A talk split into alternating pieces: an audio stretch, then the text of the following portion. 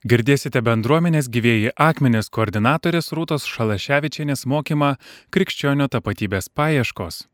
Išgirsite įrašą iš maldos skydo už šeimą, namų bažnyčią ir visuomenės bei valstybės pagrindą susitikimo. Garbė Jėzai Kristai. Tema, kurią šiandien dalinsiuos, yra krikščionio tapatybės paieškos.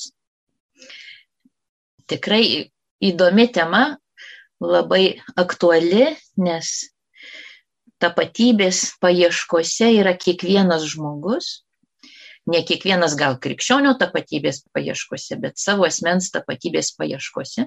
Labai šio laikiška tema. Norėčiau pradėti nuo kelių tokių išvalgų, kurios yra gerai žinomos ir šventųjų, ir iš katekizmo, kad būtų mums kaip toks pagrindas, atskaitos taškas.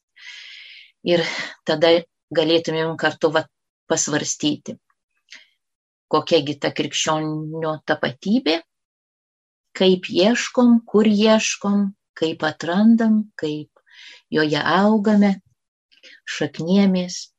Tai pirmiausia šventas Augustinas. Labai garsus jo pasakytas sakinys. Tu mūsų kūrei savo ir nerami mūsų širdis, kol neatsilsės tavyje.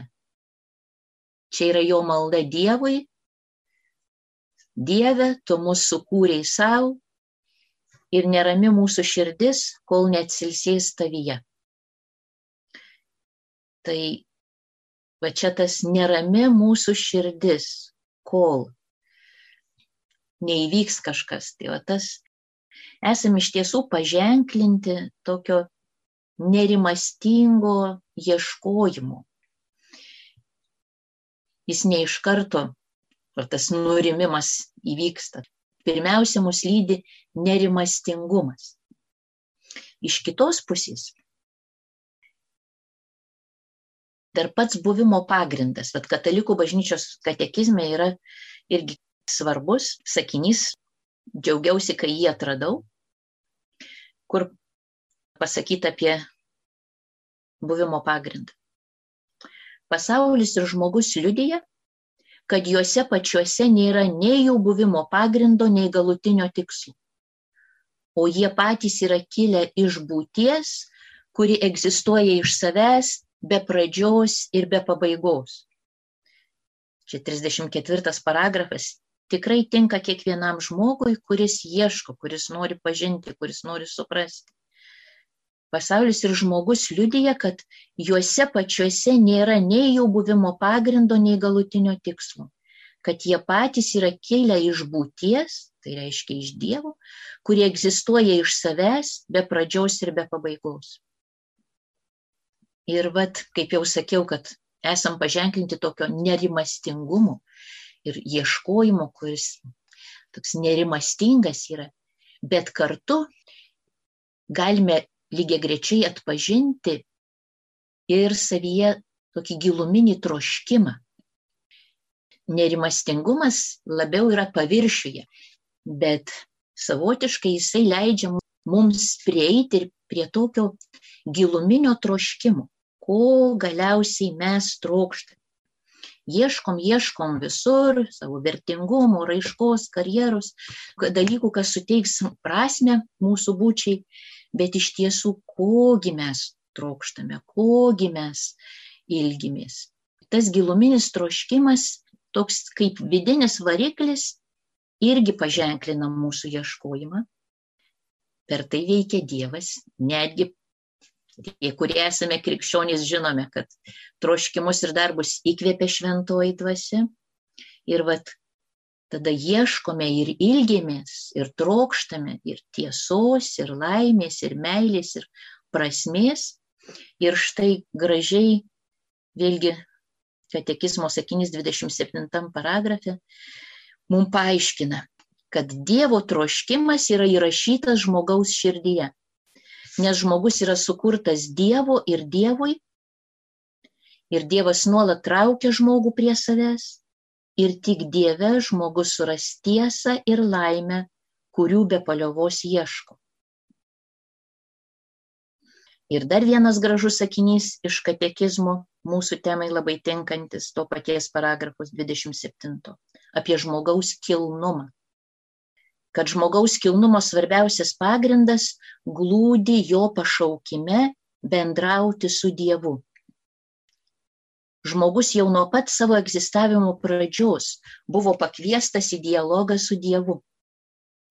Žmogus egzistuoja dėl to, kad Dievo yra sukurtas iš meilės ir nuolat yra tos meilės palaikomas. Žmogus gyvena ne pagal tiesą, jeigu laisvai nepripažįsta šios meilės ir neatsiduoda kūrėjui. Koks yra gražus bažnyčios mokymas ir kaip tiksliai nusako vat, tuos pagrindus, apie kuriuos šiandien kalbėsim. Ir savo laiku dar jaunystėje labai žavėjausi motina Teresė iš Kalkutos, šventąją Teresė iš Kalkutos ir dabar žaviuosi, bet tada vat, ir jos žodžiais, ir jos darbais. Ir daug jos sakinių, daug jos minčių atsimenu, bet vat, vienas labai man įstrigo todėl kad irgi mes gyvėjai akmenys dalyvaujame evangelizacijoje. Tai motina Teresė nevadino žmonių netikinčiais. Jinai juos vadino dar nepažįstančiais tėvo meilės. Ir ta nuostata labai yra teisinga. Dar nepažįstančiais tėvo meilės. Todėl, kad tikėti Dievą esantį yra viena, o pažinti tėvo meilę yra kita. Nes pažinti tėvo meilę, tai jau čia kalba yra ir apie patirtį, ir apie santyki, nes tėvo meilę pažįsta tik tai tėvo sunus, tėvo dukra, Dievo vaikas visai kita patirtis, kita situacija su žmogum. O apie tą pašaukimą, kaip katekizmas sakė, kad esame pašaukti bendrauti su Dievu, bet galbūt ne iš karto tas mums ateina. Pirmiausia, atpažįstam, kad žmogus tiesiog yra pašauktas į tokią pažinimo kelionę. Man taip yra gražu, kai gimsta kūdikis tą galiu iš karto matyti. Štai mes užauginome penketą vaikų, nuostabu stebėti kūdikį kiekvieną dieną iš taip arti, kaip prasideda jo kelionė į pažinimą. Viskas jam įdomu, pats svarbiausias būdas tai, viską kišti į burną ir viską ragauti valgoma ar nevalgoma. Tai tokiu būdu per jutimus paskui kitas būdas irgi myli, kas ar nemyli, saugu, su kuo ar nesaugu, skauda, neskauda, bet tai nuolatinė, ištisinė kelionė į pažinimą, į savo aplinką, į savo artimuosius ir pažįsta mamos veidą, jau labai greitai pradeda pažinti mamos veidą ir nepažįsta svetimo veido. Man tiek yra gražu, kad tas pašaukimas į pažinimą nuo pat kūdikystės žmoguje yra. Tai galbūt ne nuo pat kūdikystės, net ir vėlesni, jau vaikai ar paaugliai ar net suaugę nelabai suvokia, į kur tas jų pažinimas veda, kas iš tiesų yra tas pašaukimo tikslas, kuris yra ne tik tai šiam gyvenimui, bet ir amžinajam. Ir Jėzus tą mums pasako labai tokiu trumpu sakiniu, kad amžinasis gyvenimas tai pažinti tave, tėvę. Bet mums tas sakinys yra per tolimas ir yra visai suprantam. Labai sunku kitas įk klausyti tokių skambių žodžių ar matyti skambius tokius simbolinius vaizdus, kai jie atrodo per daug toli nuo mano gyvenimo. Ir vienas iš mano atradimų yra, kad yra gerai žinoti tą kaip viziją, tą visumą, į ką aš esu pakviestas ir keliauti tokiais mažais žingsneliais teisinga kryptimi. kas yra tas konkretus, praktiškas, mažas žingsnelis, kurį aš žengiu, kuris yra tikras ir va tie tikri žingsneliai padeda man atsiverti patirčiai ir jau esu visos tos visumos dalininkas. Va čia man yra pats nuostabiausias atradimas. Man nereikia nukeliauti į visą pilnatvę. Man užtenka žengti vieną, kitą, trečią žingsnį tą kryptim ir aš jau esu dalininkas viso to. O kada nukeliausiu, tai čia viso gyvenimo procesas. Tai va, bet jau galiu džiaugtis, jau galiu dėkoti. Taigi, nevadina žmonių netikinčiais, bet dar nepažįstančiais tėvo meilės. Atsimenu vieną tokį bičiulį, misionierių, vardu Robertą, kuris sakė tokį liudymą, kuris buvo jo atsivertimo toks postumis vienose rekolekcijose. Kuningas jo paklausė tokį klausimą. Kieno tu sūnus? Ir šitas klausimas tarsi stuktelį. Kieno tu sūnus? Jisai tai pasvarstė. Aš pats savo, niekino. Jisai taip pat sakė, todėl kad jo santykiai su jo žemiškojų biologiniu tėvu buvo labai komplikuoti, o Dievo kaip tėvo jis nepažino. Jisai tikėjo Dievą esantį, bet Dievo kaip tėvo nepažino. Ir vat, esu pats savo. Ir tas jo klausimas ir tas jo atsakymas užsuko jame va tokį mąstymą, ieškojimą, svarstymą. Toks jo, kas aš esu tada. Va tas, kas aš esu, susiformavo jam, susipinė su tuo klausimu, kieno tu sunus. Jisai suprato, kad į klausimą, kas aš toks, va, kai jisai atsakė, aš pats savo, pats savo esu susijęs su tuo, kieno tu sunus. Ir tame seminare buvo kalba apie dangiškai tėvą, apie jo meilę, kad esame pakviesti pažinti tėvo meilę. Nes jei jos nepažįsta, mes gyvename kaip našlaičiai. Tokia našlaitystės dvasia mumyse.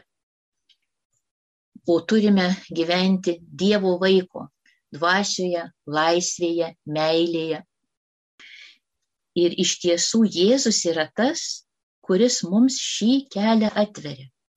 Tai, kad jisai savo mokinius išmokė tėvę mūsų maldos, kuri mums yra tokia įprasta, iš tiesų buvo revoliucija. Jisai mokino savo mokinius kreiptis į Dievą kaip į tėvą, taip kaip jisai kreipdavosi, auginti tokį santyki su tėvu, kokiame jisai gyveno, pradėti žengti tos vieną, du, tris žingsnelius ir mėgsti santyki su Dievu kaip su tėvu. Ir vat tada atsiveria man, jau pradedu apčiuopti, kas yra ta mano krikščionio tapatybė, kad aš esu Dievo vaikas, bet čia ne poezija, ne gražus žodis, bet iš tiesų yra esmė. Nes Jėzus mus atveda pas tėvą, apreiškia tėvą ir atveda pas jį. Net jisai pats sako, aš esu kelias tiesa ir gyvenimas, niekas nenueina pas tėvą kitaip kaip tik per mane. Ir šventoji dvasia čia mums talkina, mes patys savo jėgom niekaip. Bet per Jėzų veikiami šventosios dvasios atrandame Dievą kaip savo tėvą.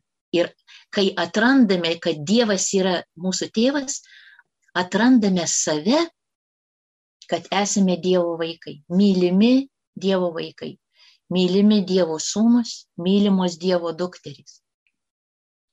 Ir tada vat, šis atradimas, einant į Dievą per Jėzų ir atrandant jį kaip tėvą, Ir yra va tas nuostabumas. Ieškau Dievo, o atrandu save.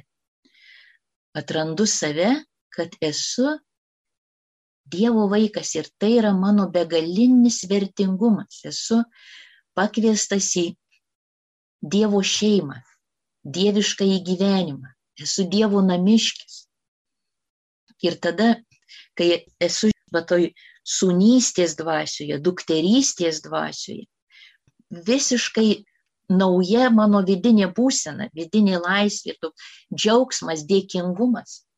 O svarbiausia, va tokio mano vertės man pačiam užtvirtinimas. Jeigu esu Dievo vaikas, Dievo sunus, Dievo dukra, tai man nebereikia ieškoti jokio kito vertingumo. Man nereikia kabintis į aplinkinius žmonės, kad jie užtvirtintų ir užtikrintų, kad aš esu vertingas. Man nereikia siekti didelių rezultatų ar kaupti didelių turtų, kad jie užtikrintų mano vertingumą. Nes tada aš esu laisvas bendrauti su visais žmonėmis ir tie, kurie mane myli, ir tie, kurie šalinasi, ar tarnauti ir socialiniuose sferuose, ir profesinėje karjeroje laisva širdim, nes ne nuo to priklauso mano vertingumas. Tai labai yra didelis gėris tas atradimas. Esu mylimas Dievo vaikas, esu sunus, esu dukra. Ir čia mums kiekvienam žingsnį padeda Jėzus, nes jisai pats sako, mokykitės iš manęs. Vat, kokiame santykėje su Dievu kaip tėvu jis gyvena, mokykitės iš manęs. Aš romus, nuolankiaus širdies. Labai norisi to romumo, tas romumas yra daugiau negu kad tik ramybė. Romumas, kas taip širdis, kuri yra romi ir nuolanki, kaip Jėzaus. Turime tą maldą. Jėzau, romusis ir nuolankė širdį, padaryk mano širdį panašiai tavo širdį. Iš tiesų tai yra sunaus širdis. Tai vat, mano atžvilgiu būtų dukros širdis, santykėje su tėvu romi ir nuolanki. Ir tas romumas yra kaip vaisius, kai sunus džiaugsmingai paklūsta tėvui. Toks artumas su tėvu, kad džiaugsmingai paklūstų jam. Ir kai to siekiu, tada ir santykis su tėvu yra tikras, jisai atsiveria ir tada ta širdis būna tokia romi netgi sudėtingose aplinkybėse. Kitas galbūt toksai pavyzdys būtų apie Jėzaus ir tėvo santyki, kai buvo Jėzaus krikštas Jordane ir jis išlipo iš vandens ir atsivėrė dangus, ant jo leidosi šventoji dvasia balandžio pavydalu ir štai balsas iš dangaus prabilo, tu esi mano mylimasis sunus, tavimi aš gėriuosi. Šitas yra mano mylimasis sunus, kuriuo aš gėriuosi ir kitame lietuviškame vertime išversta, su kuriuo man gera. Labai papildymas svarbus. Šitas yra mano mylimasis sunus, kuriuo aš gėriuosi, šitas yra mano mylimasis sunus, su kuriuo man gera, toks artimas santykis. Ir kartu visa, kas yra Jėzaus, yra ir mūsų. Jeigu mes tikim Jėzų, tai Jėzus viską atveria mums. Per Jėzų mes einame į tokį patį santykį su Dievu, kokį turėjo Jėzus. Tai lygiai ta patirtis Jėzaus priklauso ir mums. Tik tai labai nedrįstame to net galbūt mąstyti atsimenu, aš kai pradėjau mąstyti va šitą frazę, kad tėvas taip gyrėsi Jėzumi ir su juo gera, tai sutinku šimto procentų, tikrai taip ir yra. Bet įsivaizduoti tėvą žvelgiantį į mane ir sakantį, ši yra mano mylima duktė, atrūta, kurią žaviuosi, su kuria man gera, man nedrasu kažkaip atrodo, nu, negali taip būti. Bet paskui buvo man tokia mintis, bet ar aš galiu atvirkščiai pasakyti? Ar aš galiu pasakyti, tėve, tavimi aš gėriuosi ir su tavimi man gera. Ir tada sakau savo, tikrai, šimtų procentų galiu taip pasakyti. Betgi, žmogaus štai tokia malda, kaip mano ši, yra juk atliepas, yra atsakas į Dievo kvietimą. Tai nėra mano iniciatyva šitaip kreiptis į Dievą. Tai visada iš žmogaus pusės tai yra tik atliepas.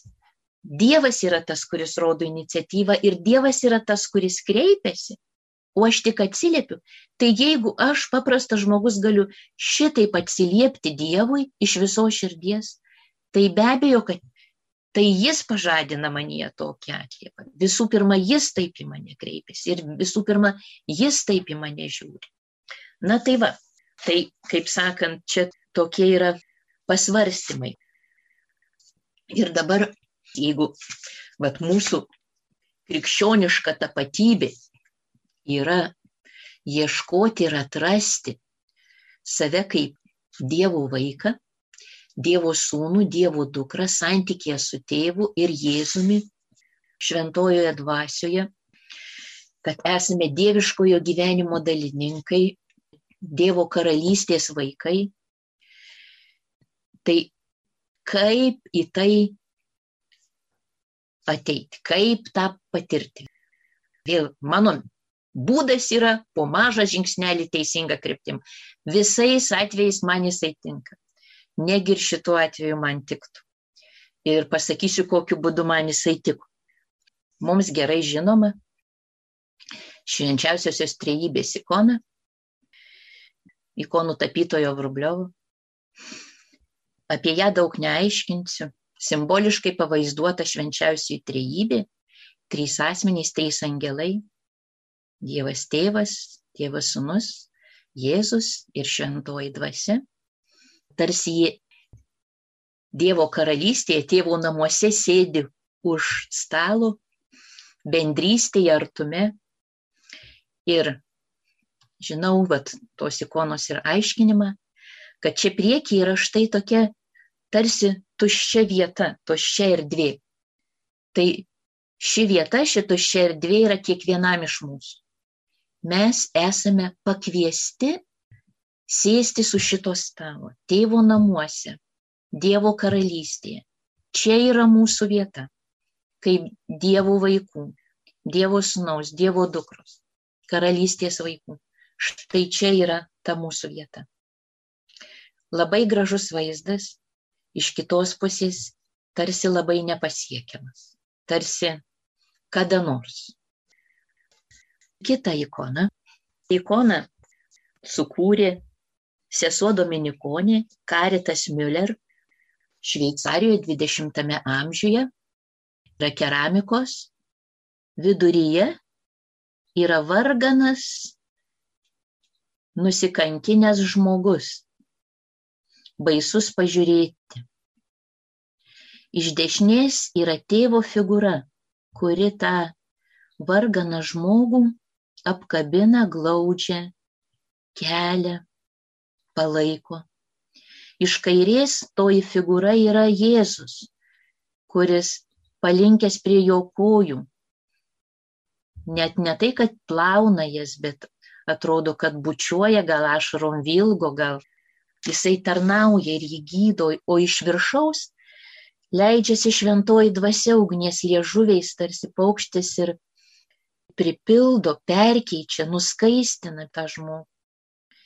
Ir kažkaip, kai šitą ikoną atradau, vienas bičiulis ją su manim pasidalino, aš supratau vieną dalyką, kad ir viena, ir kita ikona yra mane gazdinanti.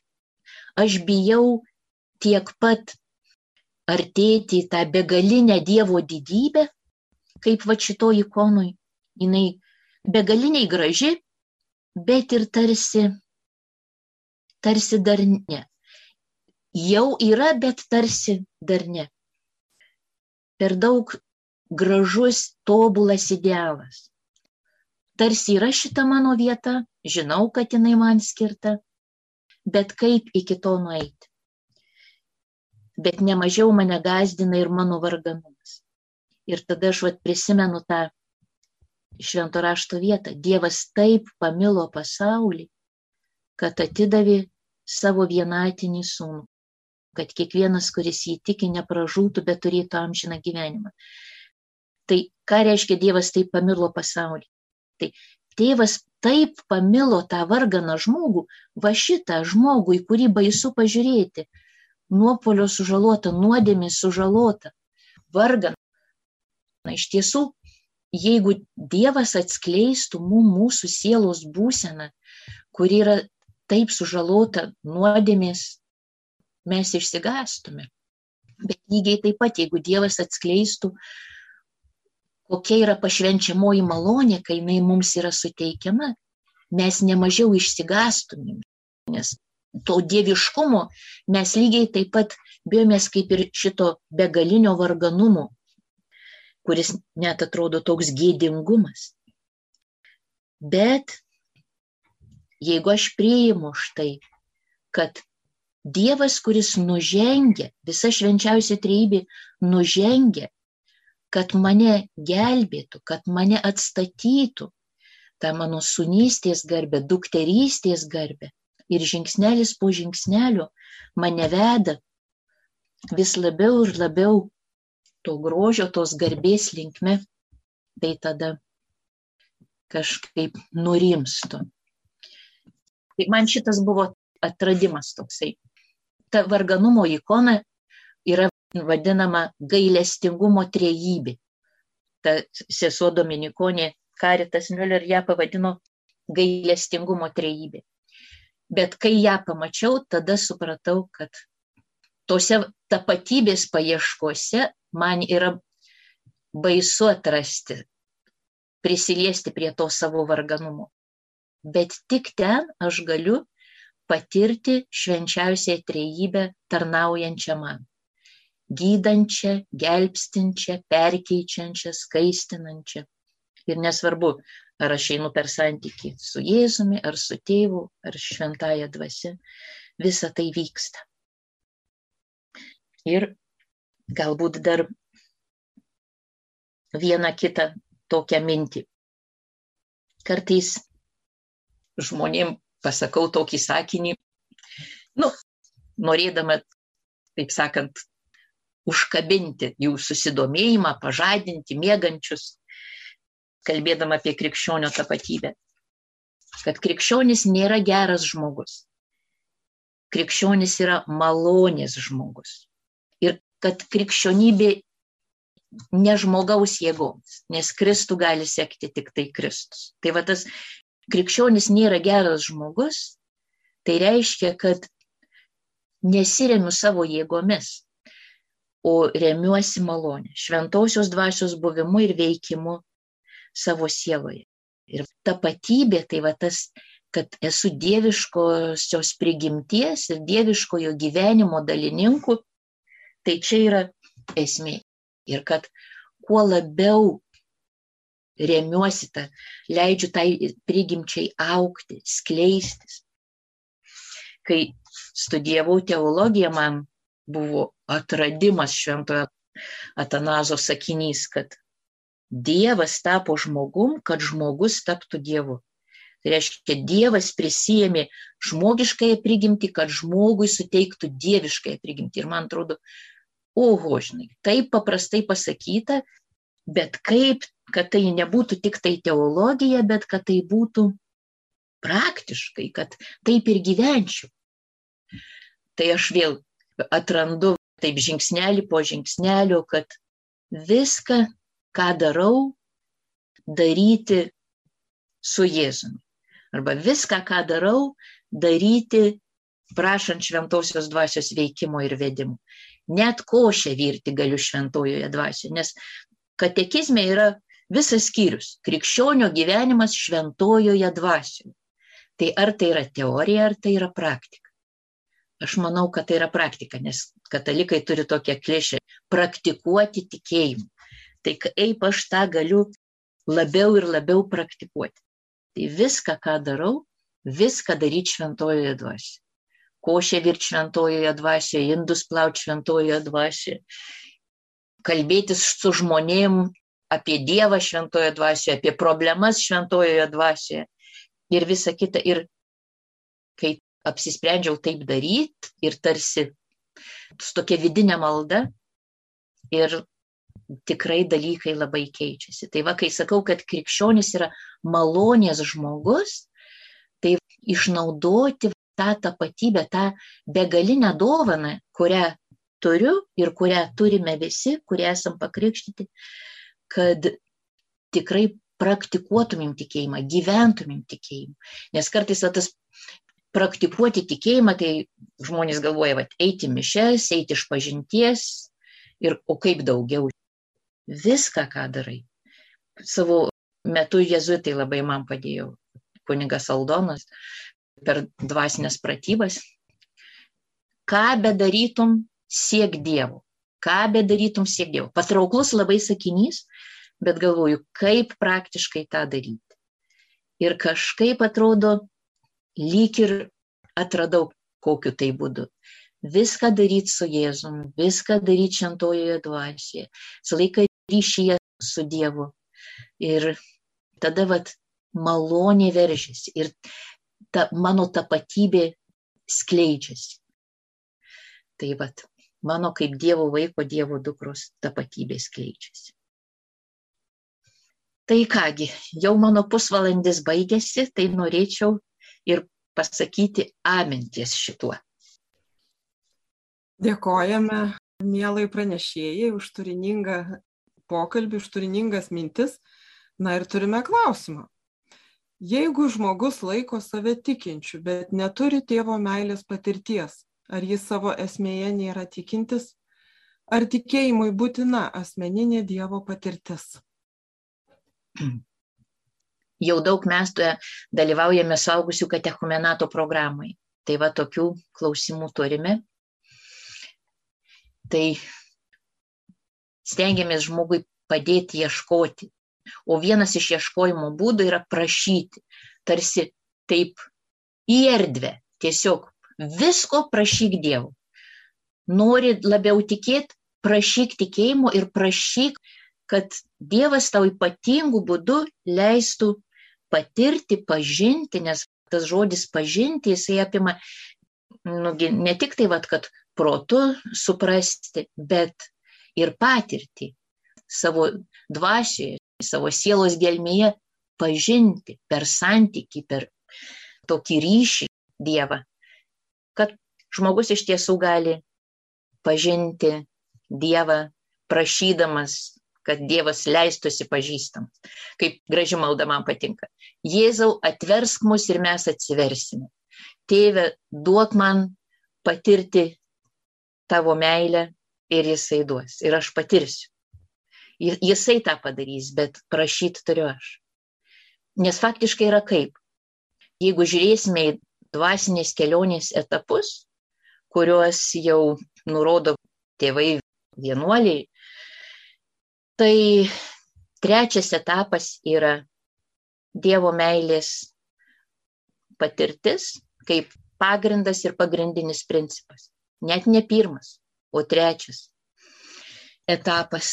Ir tai yra suaugusio žmogaus patirtis, kuri praktiškai padaro tokį perversmą arba virsmą.